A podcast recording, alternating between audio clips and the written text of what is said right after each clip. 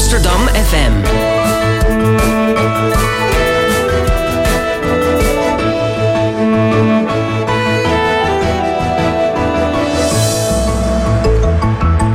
Radio Swammerdam.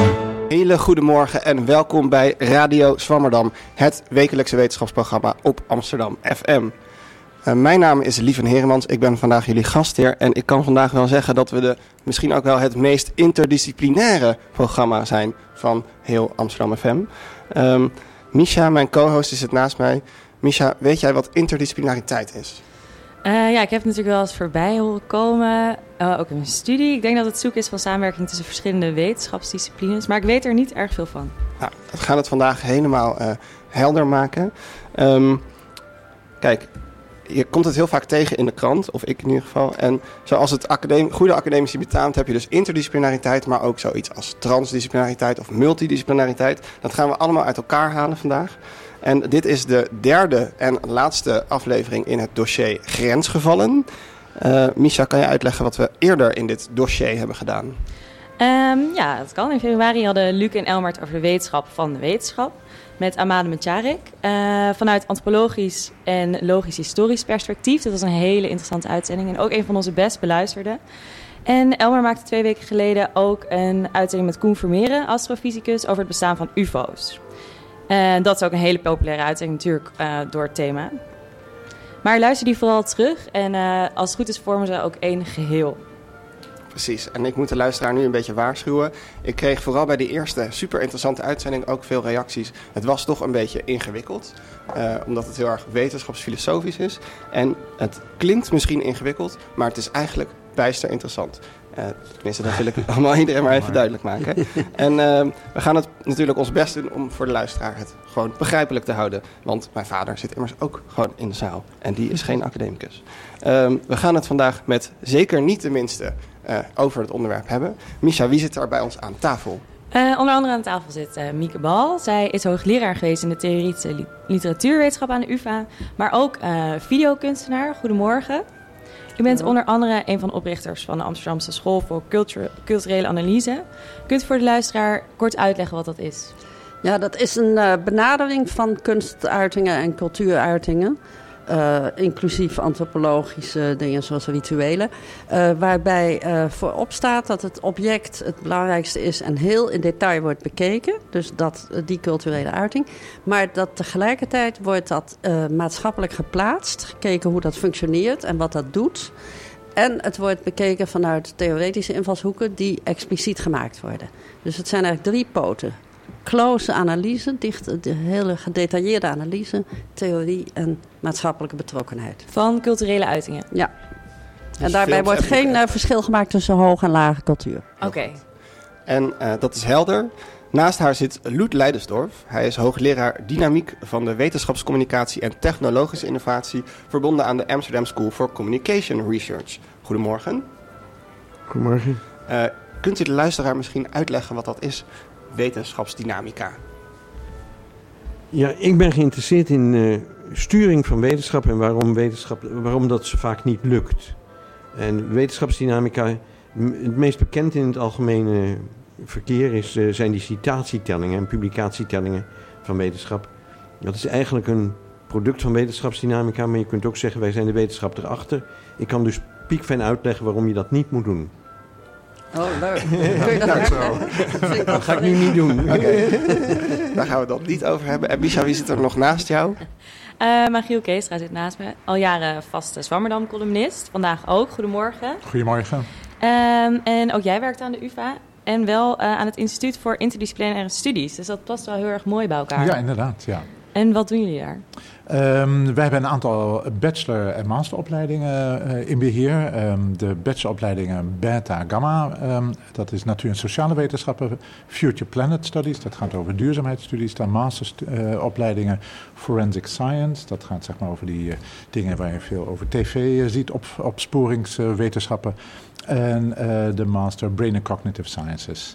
Dus dat zijn hersenwetenschappen. En dat zijn stuk voor stuk opleidingen waar verschillende disciplines, traditionele disciplines, een bijdrage leveren. En studenten leren om die met elkaar uh, te combineren en te integreren. Oké, Daar gaan we het zo eh, verder nog hebben. aan het einde van de uitzending even dieper op in. Mhm. Ehm, wat ik nog wel graag wil weten, waar zit dat? Eh, dat zit op het Science Park, dus in de Watergaasmeer, voorbij de Jaap Eden-baan. Eh, maar ons onderwijs zit voor een deel ook op het Routeseiland. Dat is de plek waar veel sociaal-wetenschappelijk onderwijs eh, ook wordt gegeven. Dus we zijn niet eh, chauvinistisch, zal ik maar zeggen. Heel goed. Zo zie je al dat de stad eigenlijk al bepaalt hoe de disciplines zijn ingedeeld, Ja. of andersom. En lieve, jij wilde nog iets toevoegen speciaal voor deze uitzending, Ja, begreep ik. dit is de laatste door mij samengestelde uitzending en ik wil graag iets toegeven aan de luisteraar. Ik eh, benader het, het samenstellen van een Zwammerdam ehm, uitzending heel vaak alsof ik een paper schrijf.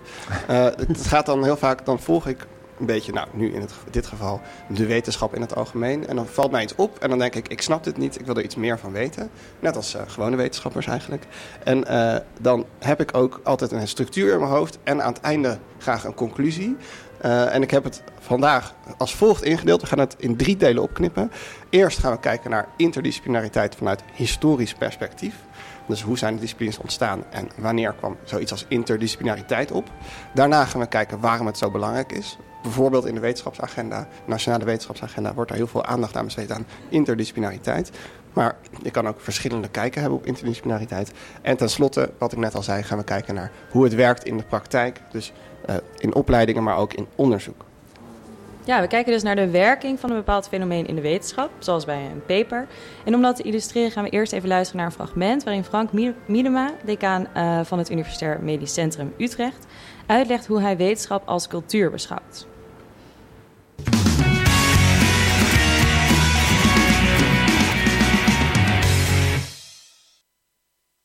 Ja, dus de vraag is, is wetenschap cultuur? En het antwoord is, wetenschap is net zo cultuur als het Concertgebouw cultuur is, zoals de UvA wetenschap is in Amsterdam. Met andere woorden, in een omgeving waar eh, innovatie moet plaatsvinden, waar wetenschappers creatief moeten zijn en eh, eigenzinnig op zoek gaan naar, naar nieuwe kennis. Dat gaat beter en dat is mooier in een rijker domein waarin ook fantastisch veel gespeeld wordt. Als je de, de avond dat je naar het concertgebouw bent geweest, voel je, kom je blij op straat. eh, denk je, ik, ik, moet ook iets, ik moet ook iets met mijn leven doen, iets speciaals. En de volgende dag sta je in het lab en dan ben je weer heel erg gestimuleerd. En dan ga je, eh, heb je weer die vrije ruimte in je hoofd om nieuwe dingen te kunnen verzinnen. Dus wetenschap en cultuur, dat zijn dezelfde dingen, alleen met een, een andere uiting van, van wat het is om mens te zijn. Helder, als wat mij betreft. Frank Miedema is ook een van de voorvechters van Science in Transition, wat weer een heel activistische groep is, die ook de wetenschap wil veranderen. Maar dat is voeding voor een hele andere uitzending.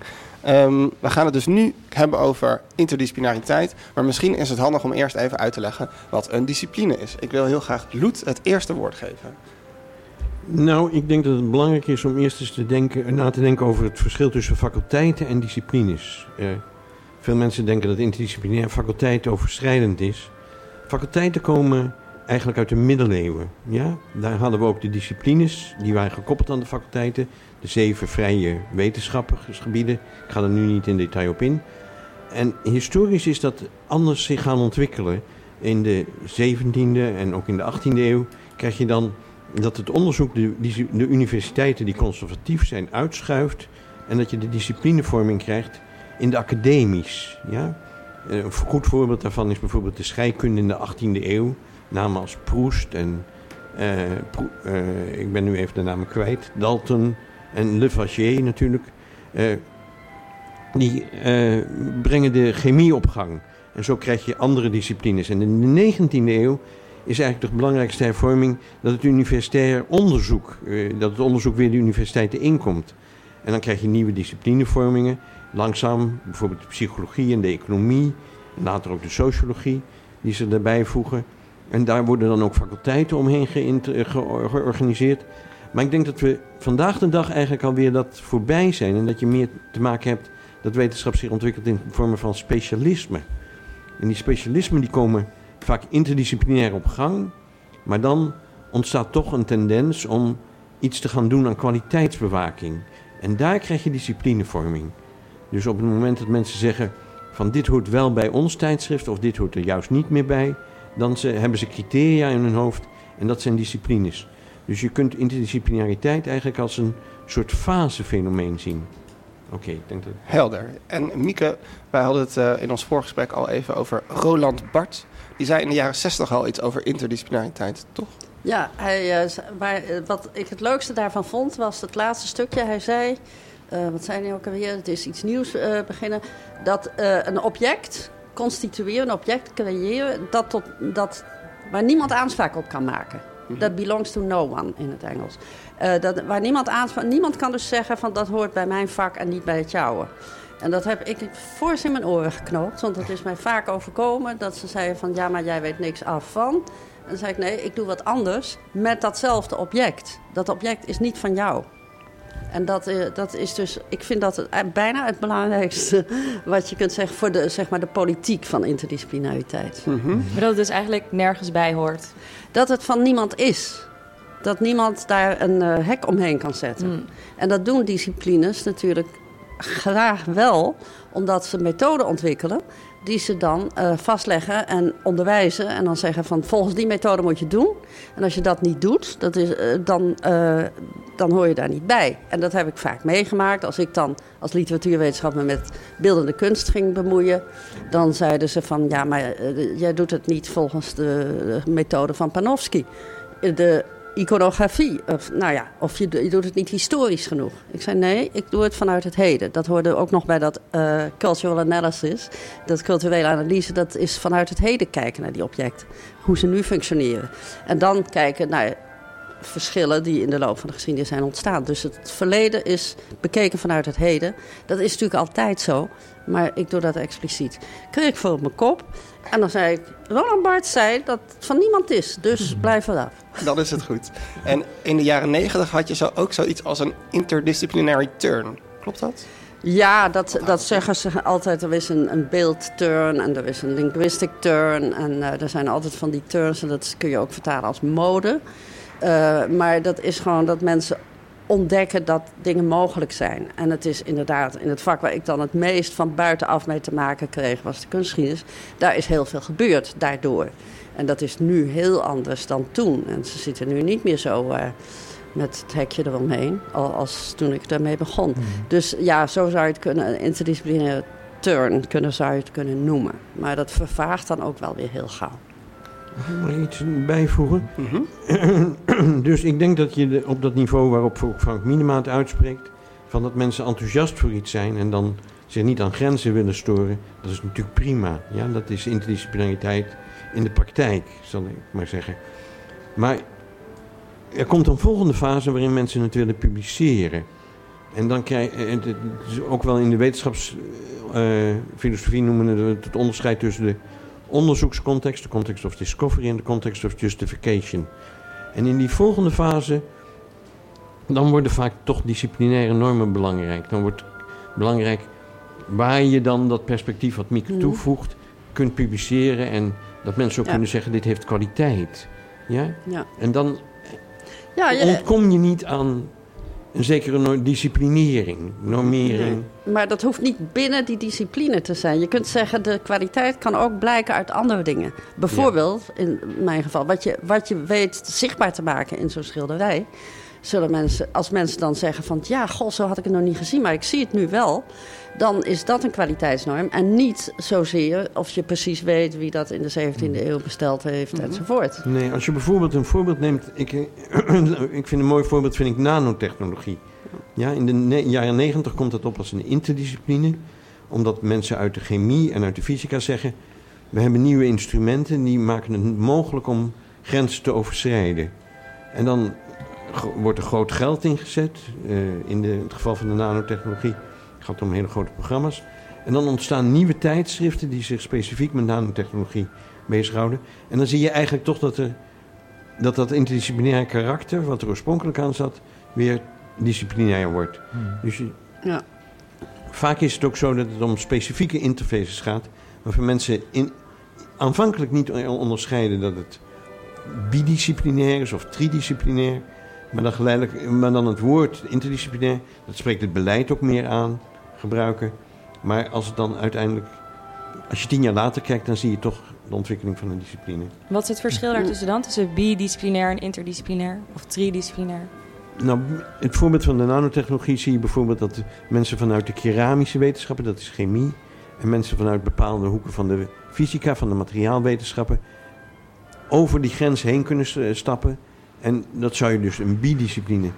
We hebben wel eens een analyse gedaan en dan gevonden dat veel claims op interdisciplinariteit uiteindelijk betekenen dat mensen specifieke grenzen willen overschrijden. Communicatiewetenschap is ook een mooi voorbeeld. Ik zie Linda Duits op de achtergrond knikken. ja, communicatiewetenschap is ontstaan vanuit een samengaan van politieke wetenschappen met bepaalde massapsychologie, sociaalpsychologie. Waar die twee clubs zitten er nog altijd in, maar men is toch daar over die scheidslijn heen gestapt. Mm -hmm. jij wilde ook nog iets zeggen. Ja, ik denk, um, jullie wijzen, hè, Loet en uh, Mieke wijzen terecht op uh, die, zowel publicatieproblemen, al, hè, dus de herkenbaarheid, de criteria die bij publicaties worden gesteld.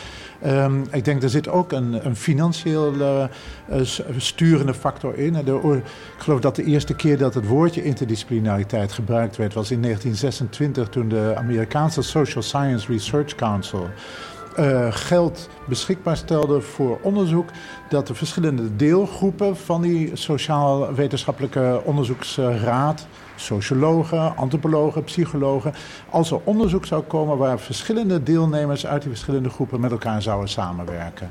En um, die rol van het geld, het sturende geld van, van onderzoeksbudgetten bijvoorbeeld, is nog steeds ook van belang, denk ik. Hè? Dus ik, die, die hele dynamiek die Loet net beschreef, daar spelen bladen een rol, uh, onderzoeksfinanciers.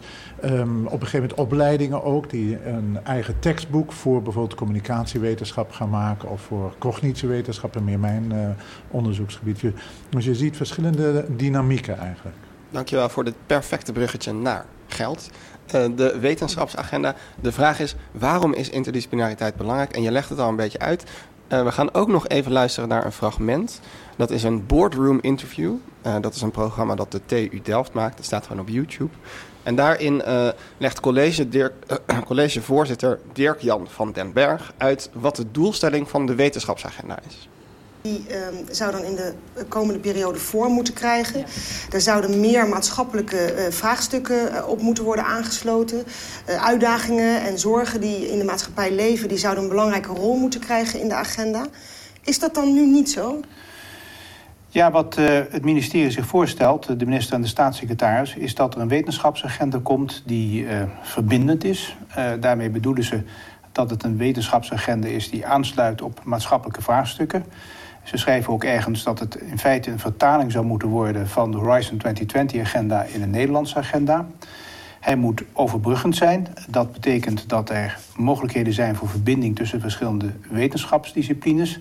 Dat er verbinding moet zijn tussen de verschillende actoren in de wetenschap. En hij moet ook nog inspirerend zijn. Dus er staat misschien in de wetenschapsvisie niet zo'n vreselijke heldere definitie van wat nou een wetenschapsagenda is. Maar er worden wel een paar sfeerbeelden, zal ik maar zeggen, ja. bij geschetst. Ja, sfeerbeelden. We hoorden de woorden verbindend, overbruggend, al dat soort mooie termen die, nou, ik weet niet, wat betekenen die eigenlijk? Mieke, zou je daar iets over kunnen zeggen? Ja, ik ben de laatste die daar wat over kan zeggen, want ik hou me er ver van. Ik vind het ontzettend uh, vergaand uh, bemoeierig worden. Ik vind dat dat al lang aan de gang is met de grotere financiering vanuit MWO bijvoorbeeld.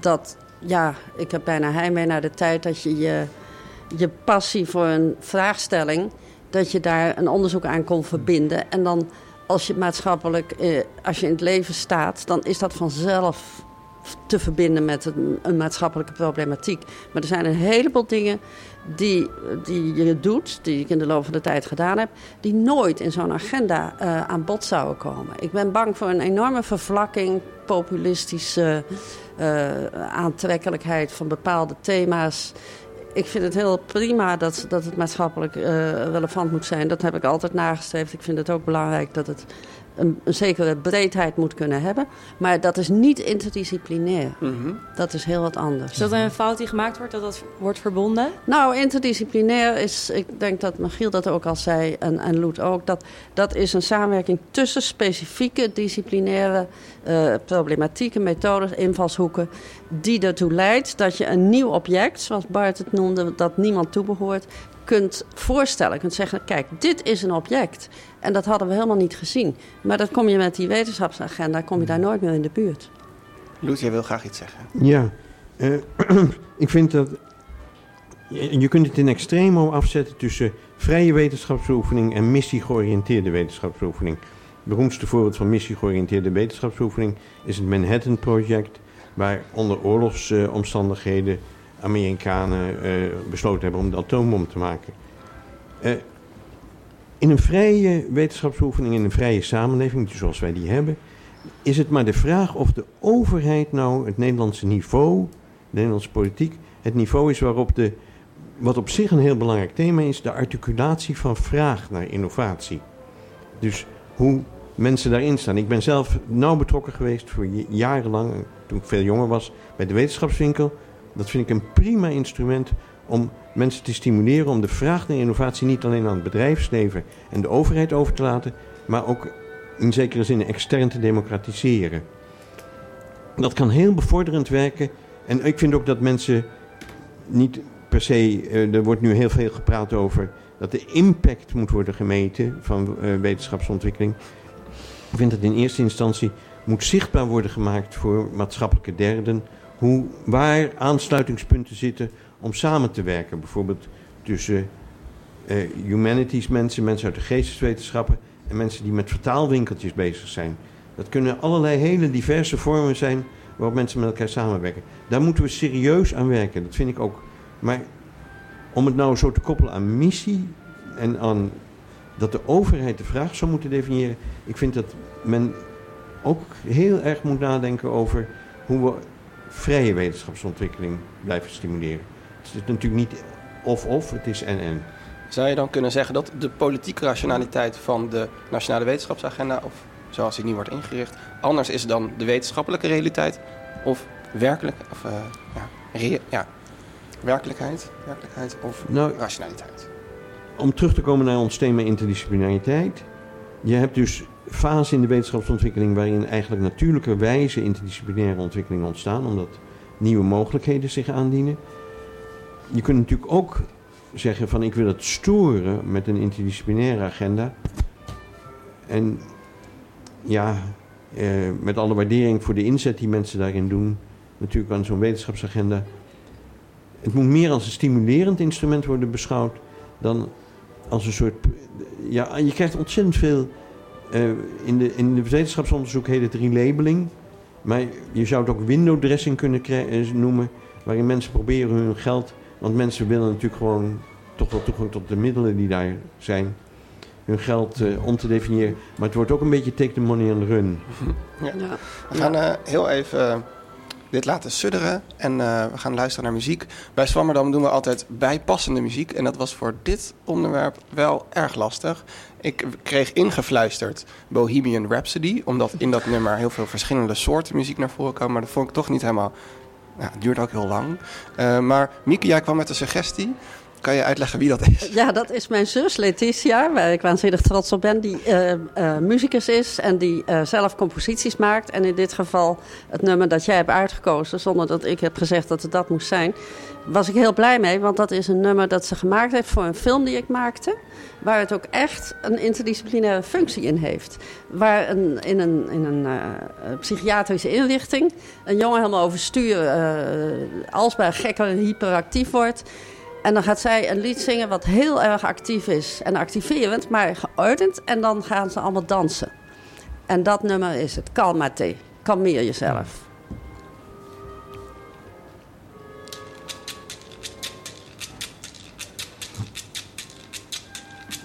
Microfoon staat nu uit, dus wij kunnen gewoon gaan. Ja. Ay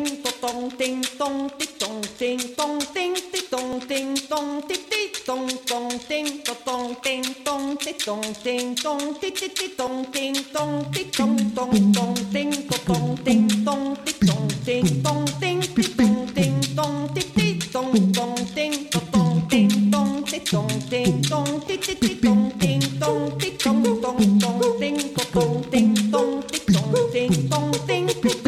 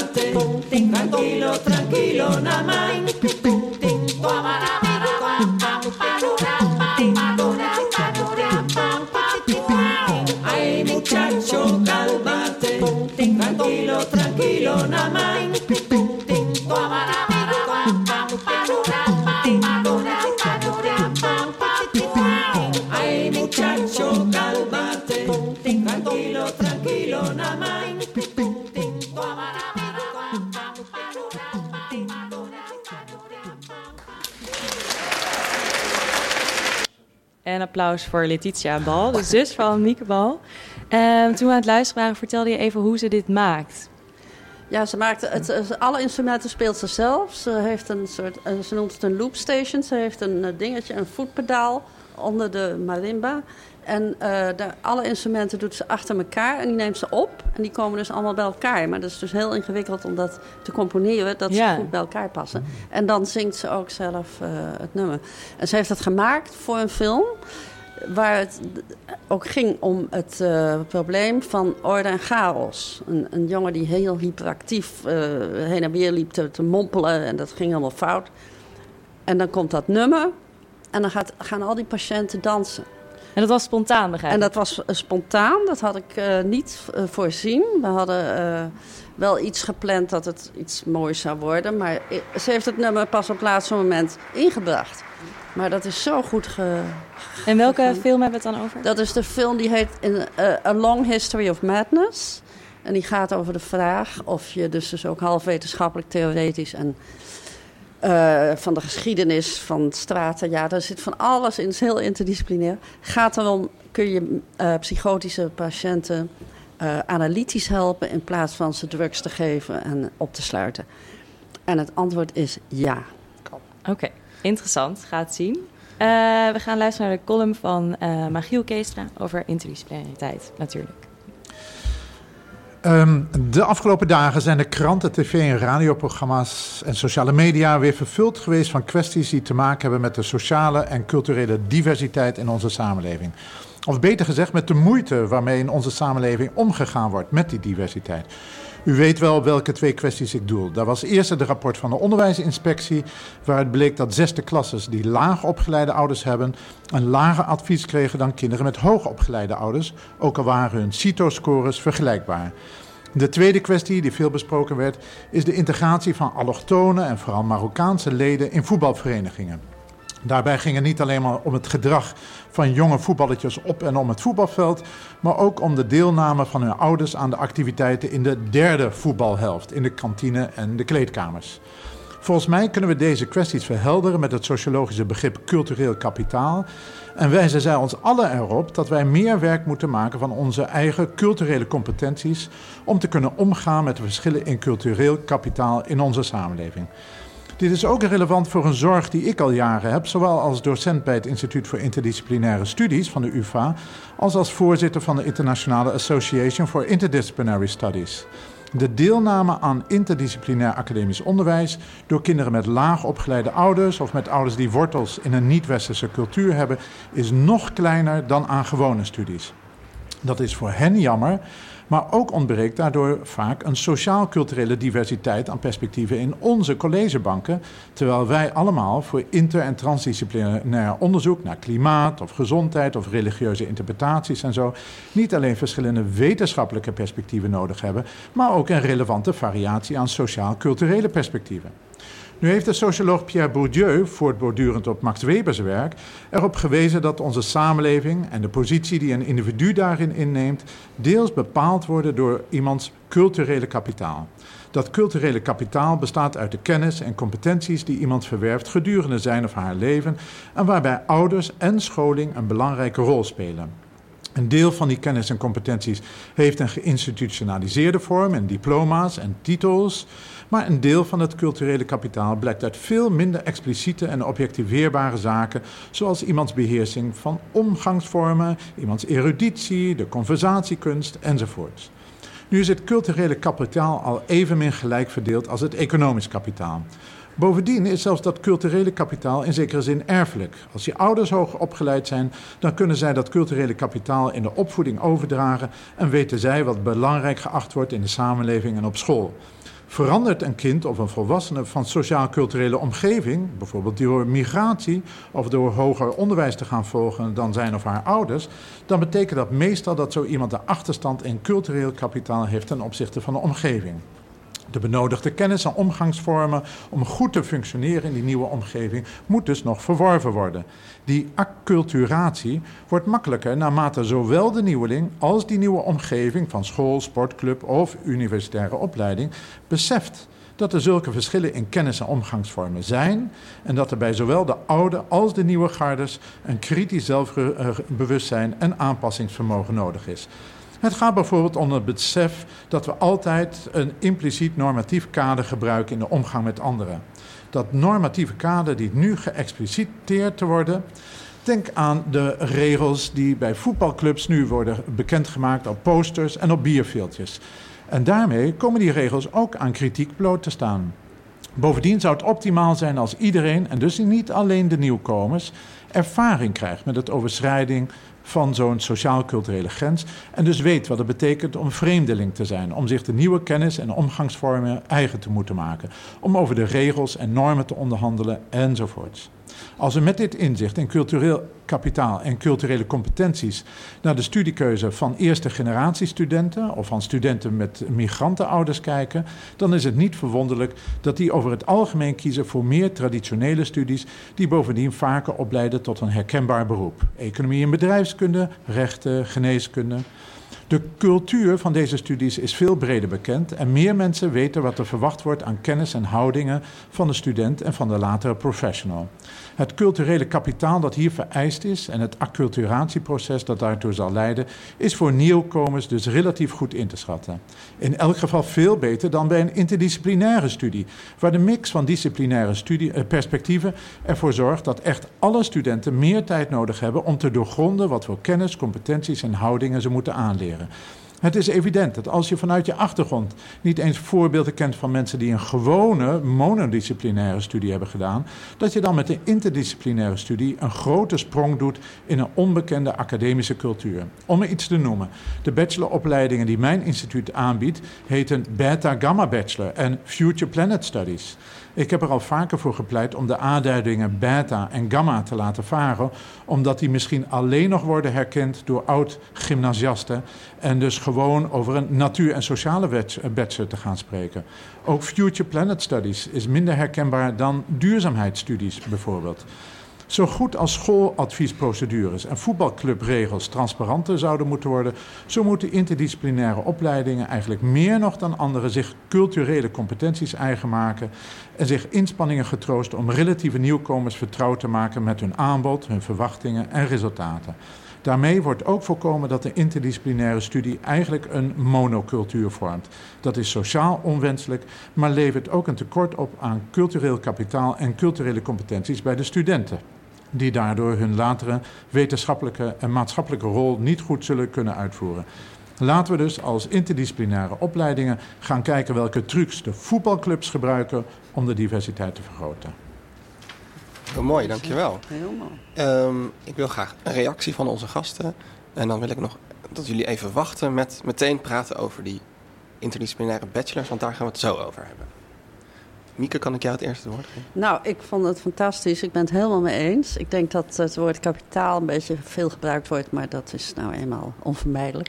En ik vind het eh, heel erg goed om eh, iets te doen aan iets onnozels als de namen. Want eh, daar ga, het gaat om die herkenbaarheid. En we willen zo graag dat eh, iedereen Nederlands spreekt. Maar dan gaan we de, de naam van de opleiding in het Engels doen en zo. Dat is, eh, nou, je hebt helemaal gelijk. Ik denk wel dat het, eh, daarmee natuurlijk is de kous niet af. Uiteraard, met één column is de kous niet af. De, eh, we moeten verder praten over wat dan interdisciplinariteit is. Is dat een middelbaar schoolpakket of is dat eh, iets waar dat voorzetsel inter een echte functie heeft? Mhm. Dus ik, ik wil meer uitnodigen tot een volgende stap. En Loet, wat... eh, ik zou met twee punten willen reageren. Kijk, waar we het eh, daar straks ook al over hadden, is dat je altijd met filters zit. Hè? Dat, is een andere manier om hetzelfde te zeggen. Dus je zit met communicatiestructuren waarin mensen informatie filteren. Eh, bijvoorbeeld omdat ze het goed vinden of minder goed. Of omdat ze. eh, En die communicatiestructuren zijn bijvoorbeeld heel anders in de politiek dan in de wetenschap. En daardoor krijg je ook al die aansluitingsproblemen zoals interdisciplinariteit. Of je dat nou op opleidingen.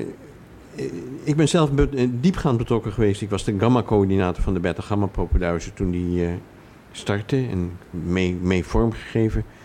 Ik vind dat. zelf heb ik altijd gevonden dat de Beta Gamma een instapprogramma zou moeten zijn. Waarbij mensen in de staat worden gesteld om meer na te denken over de studiekeuze die ze willen doen. Door kennis te maken met alle studierichtingen. Maar dat het er ook om gaat om in een in fase ook heel verdiepend, dus disciplinair bezig te zijn. Bijvoorbeeld door een goede psycholoog of een goede arts te worden. Dat is ook, of een goede rechter of wat je ook mag. Dat betekent dat je ook de diepte ingaat en zo. Dus ik ben wat huiverig over het een en ander. Misschien ben ik te conservatief geraakt. Maar Giel, Nou, vind je ik- dat te conservatief? Eh, nou, nee, ik, ik, eh, eh, met jouw observatie over die, die combinatie tussen interdisciplinair begin en een disciplinaire diepte, daar zijn wij het ook nog steeds eh, eh, mee eens. Daar werken Ja, we nog aan. ook. Maar als schrijvende realiseerde ik me, van de column realiseerde ik me dat juist voor studenten, voor eerste generatie studenten, eigenlijk een omkering dat ze eerst gewoon een studie doen en dan gaandeweg ontdekken van hé, hey, er is wat meer. Ik zou eigenlijk wel weer de breedte in willen. Dat dat voor een eerste generatie studenten misschien een, een beter parcours is. Dat die te huiverig zijn om eerst interdisciplinair te beginnen en zich dan pas te specialiseren. Dat heeft natuurlijk ook Ja. te maken met je ambities. Mijn, ik, ik, heb het heel dichtbij meegemaakt dat mijn dochter op een bepaald moment tegen, mij, tegen ons zei van... Ik ga dit proefschrift niet afschrijven, ik ga iets meer maatschappelijks doen. Ja. ja, dat is een hele mooie navrante. Ja. maar ik, ik wou nog toevoegen aan deze discussie Ja. dat eh, eh, het verschil tussen wat jij zegt van eerst eh, interdisciplinair en dan disciplinair en omgekeerd. Ik zou zijn voor omgekeerd, want ik denk dat dat precies het verschil is tussen multidisciplinair en interdisciplinair. Ja, want die verschillen hebben we nog niet besproken. We hebben dus multidisciplinair, transdisciplinair en interdisciplinair. Wie, wil dat, wie durft dat uit te leggen? Mieke durft het uit Ik te leggen. durf het uit te leggen, want ik heb, me daar, al, ik heb daar al uitvoerig maar in woord en geschrift over uitgelaten. Eh, je moet gewoon kijken naar wat die voorzetsels be- betekenen. En multi, dat betekent veel, een veelheid. Trans betekent door dingen heen. En inter betekent relatie. Net als internationaal, dat is niet alle landen ter wereld, maar dat is relaties tussen bepaalde landen op bepaalde voorwaarden enzovoort. En ik denk dat het heel belangrijk is om dat verschil eh, goed duidelijk te houden. En ook in, eh, als we interdisciplinair zeggen, dat we dan ook echt bedoelen dat er relaties zijn tussen deze disciplines, met diepgang en al. Maar natuurlijk niet de hele discipline. Dus je pakt een discipline die tegenkomt. En dan ga je daarvan datgene in de diepte bestuderen dat je nodig hebt voor jouw project of jouw object. En eh, dan ga je in discussie met de specialisten op dat gebied. Ik, heb altijd, ik, ik ben helemaal niet tegen afschaffen van die disciplines. Absoluut niet. Ik vind het heel belangrijk dat ze er zijn, want die bewaken eh, die diepgang. Maar tegelijkertijd zijn ze ook beperkend. En daar kan de interdisciplinaire benadering iets aan doen. Mits beide partijen, of alle drie of alle vier, eh, iets daarmee willen en daartoe bereid zijn. En ik heb dat vaak meegemaakt tot mijn eigen verbazing. Dat dat heel erg welkom werd geheten. Bijvoorbeeld, ik heb een tijdje over de Bijbel, de Hebreeuwse Bijbel, me druk gemaakt. En toen kreeg ik uiteindelijk kreeg ik die Bijbelmensen, de Hebrew Bible Boys noemde ik ze oneerbiedig. Die Bijbelmensen kreeg ik mee omdat ik heel serieus was over de tekst. Dus zei ze, jij respecteert de tekst, daar kunnen we mee praten. En toen gingen al hun, of al hun, toen gingen een aantal van hun hardnekkige vooroordelen over bepaalde stereotype interpretaties van verhalen, die gingen op de schop. En dat konden ze hebben, want ze zagen dat ik aankwam met argumenten uit de tekst. En dat willen zij ook. Dus je moet zoeken naar die, eh, die eh, gemeenschappelijke eh, passie voor wat belangrijk is. En dan kun je interdisciplinair heel goed uit de voeten. En hoe werkt het dan bij multidisciplinariteit? Bij multidisciplinariteit, dat is meer zo'n, wat ik dan heel oneerbiedig een middelbaar schoolpakket noem. Dat is zo'n bachelor waar je allerlei verschillende dingen eventjes proeft. En dan een- daarna een keus maakt. Ik vind dat dat een beetje een zonde is van een van die drie jaren, zeg maar. En Als je dat- trans is dan... En trans, dat is dat je één ding door allerlei objecten heen gaat volgen. Eh, bijvoorbeeld wat eh, met mytheonderzoek. Dan zeggen ze dat verhaal dat komt in de Bijbel voor, in de Koran, in de literatuur, in de schilderkunst enzovoort. En trans heeft het gevaar dat het object gereificeerd wordt, dat dat vastgelegd wordt. Van, en dat die interpretaties dus ook vastgelegd worden, alsof het altijd hetzelfde is. En ik vind het interessanter dan om juist te kijken hoe dat verschilt Hmm. per eh, context. Maar goed, dat is een andere kwestie. Maar trans heeft, iets, heeft iets van vasthouden aan een, een, eh, een vooraf afgesproken interpretatie. En dat vind ik gevaarlijk. Loet, kan je iets toevoegen aan, eh aan Mieke? Ja, in het wetenschapsonderzoek hebben wij het begrip transdisciplinair echt eh, heel specifiek gedefinieerd als eh, dat mensen een context of application, zou ik willen zeggen, maar het is eigenlijk beter om te zeggen over een toepassing, meenemen in de overwegingen van de researchagenda, van de onderzoeksagenda. Dus ehm, dat komt uit een boek uit 1994 waar, waarin mensen dat hebben voorgesteld en dat is geaccepteerd, min of meer. Bete- Dus trans is daar eigenlijk al een heel duidelijk geoperationaliseerd begrip. Dat betekent dus bijvoorbeeld vanuit een politieke overweging, die missie-georiënteerde wetenschapsagenda, dat zou je transdisciplinair kunnen noemen. Interdisciplinair lijkt me eigenlijk technisch gesproken een beetje verouderd begrip, omdat het nog erg uitgaat van disciplines. Terwijl, zoals Mieke dat ook heel duidelijk uitleggen, het gaat om hele specialismen waarin men relaties tussen specialismen legt. Disciplines zijn eigenlijk een, in zekere zin een verouderde eh, iets wat we nog meeslepen vanuit het verleden, omdat de wetenschap zich ontwikkelt. En voor een deel hebben, geven ze ook nog vorm aan de opleidingsstructuren, terwijl de wetenschap zich ontwikkelt in vormen van specialisme vandaag de dag. Dus, maar dat, ik ben, verder ben ik het met de analyse eens. En in veel gevallen is multi ook heel vruchtbaar. Dat wil ik ook nog wel even zeggen. Want bijvoorbeeld eh, in het wetenschapsonderzoek heb je een kwalitatieve en een kwantitatieve traditie. Veel, in veel vakgebieden heb je dat. En dan om eens een keer iets samen te doen voor een tijdje, Ja. zonder dat je meteen elkaar continu onderuit probeert te halen van, met andere criteria. En zegt van nou, ik kan daarover in dit tijdschrift publiceren en jij kunt daarover in dat Mm. tijdschrift. Dat is multi en dat kan ook heel vruchtbaar zijn. Magiel? Ja, ik denk die, die termen eh, inter, multi en trans, eh, daar zie je ook wel regionale verschillen in. hè. Dus bij mijn Amerikaanse collega's zie ik dat die termen weer wat anders worden ingevuld dan hier continentaal. En dat je dan tussen het Franstalige en het Duitsstalige eh, gebied ook weer verschillen ziet. Ehm, wat ik zelf aan eh, in, invulling zeg maar, van transdisciplinariteit ook wel eh, relevant vind, is dat je over de grenzen van, de, van het onderzoek of van de academie heen kijkt. Dat je bijvoorbeeld patiënten, eh, mensen met ervaringskennis betrekt bij een onderzoek. Onlangs was er nog weer in het NRC sprake van oncologen, kankeronderzoekers. Die met een patiëntenvereniging keken van wat zullen wij gaan onderzoeken met nieuw geld. En toen hadden die patiënten eh, gezegd van ja, wij hebben zoveel last van vermoeidheid. En dat was eigenlijk helemaal niet iets waar die oncologen zozeer in geïnteresseerd waren. Maar dat bleek voor die patiënten heel relevant te zijn. En dan krijg je een onderzoek wat misschien ook wat sneller sociaal eh, relevant is. Dan als je alleen maar als eh, wetenschappers Maar kijkt. waarom is dat trans? Ik zou dat inter noemen. Om- nou, eh, interdisciplinariteit is dan de integratie van bijvoorbeeld oncologen, internisten, mijn part neurologen, die met elkaar kijken. Ehm, ja, maar eh, zo gauw je patiënten erbij eh, betrekt, dan krijg je dus die ervaringskennis, maar mogelijk ook eh, andere normatieve aspecten erbij. Hè, belangen die wat belangrijker zijn dan bij de wetenschappers. En daar, daar kun je dan het eh, woordje trans aan, eh Ja, aan dat hechten. zou ik niet doen, maar goed. Maar eh, die, die vorm van transdisciplinariteit die jij noemde, die ken ik ook wel. Dat wordt dan bijvoorbeeld dat de chaostheorie wordt dan wel gezegd. Maar dat is een, transdiscipline die je doorheen verschillende vakgebieden terugvindt. Dus nou, zo zie je maar dat aan één tafel we het over de definities al niet gelijk eens worden. Nee, is dat is misschien leuk niet. om te melden dat eh, in de Verenigde Staten dus de grote ho- hoeveelheid geld van de National Institute of Health Mhm. gaat naar translatieonderzoek. Dat is Mhm. verreweg het grootste programma.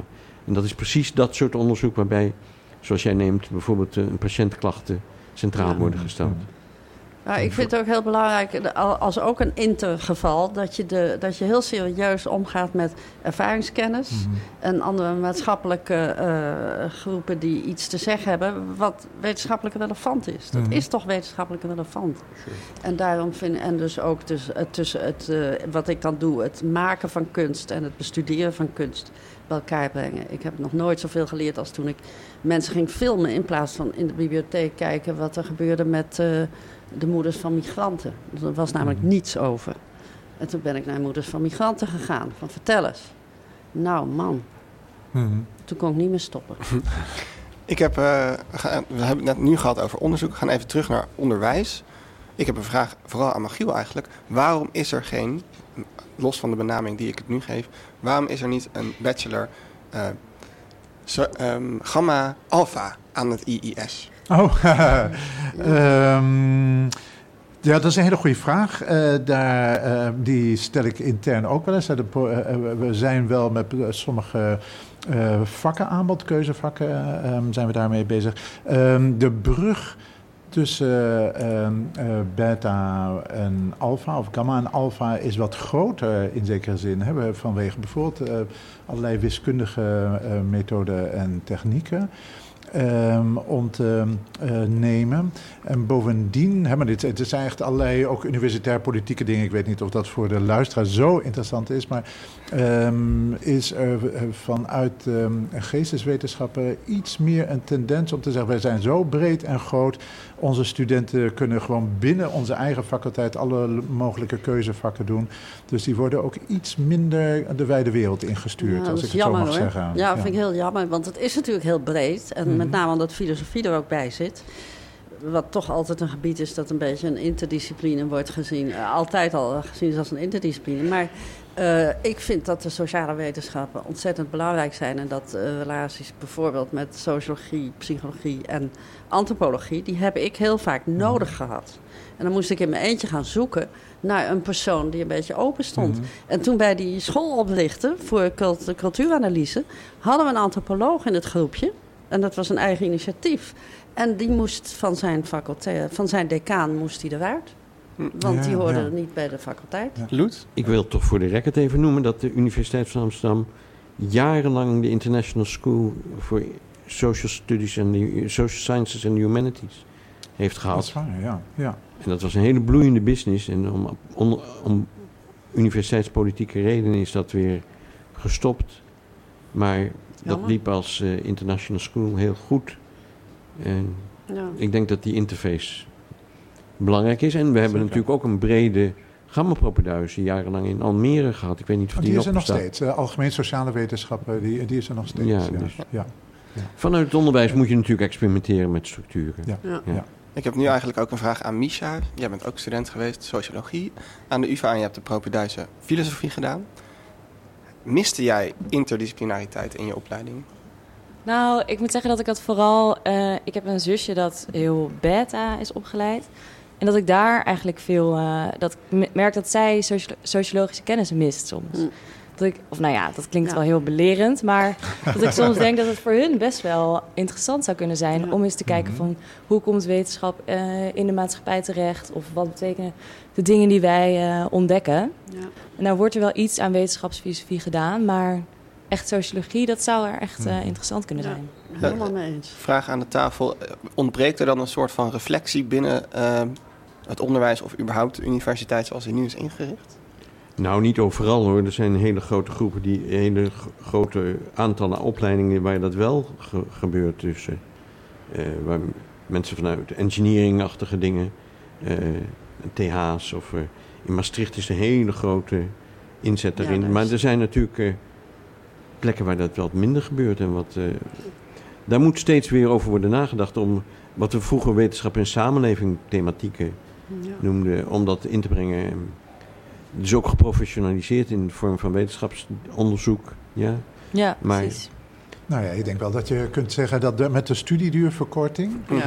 en ook met de bezuinigingen op faculteiten, ehm, de, ik zal maar zeggen, de, de metavakken, de reflectievakken, vaak als eerste sneuvelen. Een voorbeeld bij economie, een grote faculteit, toen daar al die economen bleken een enorm deficit eh, te hebben, enorme schulden.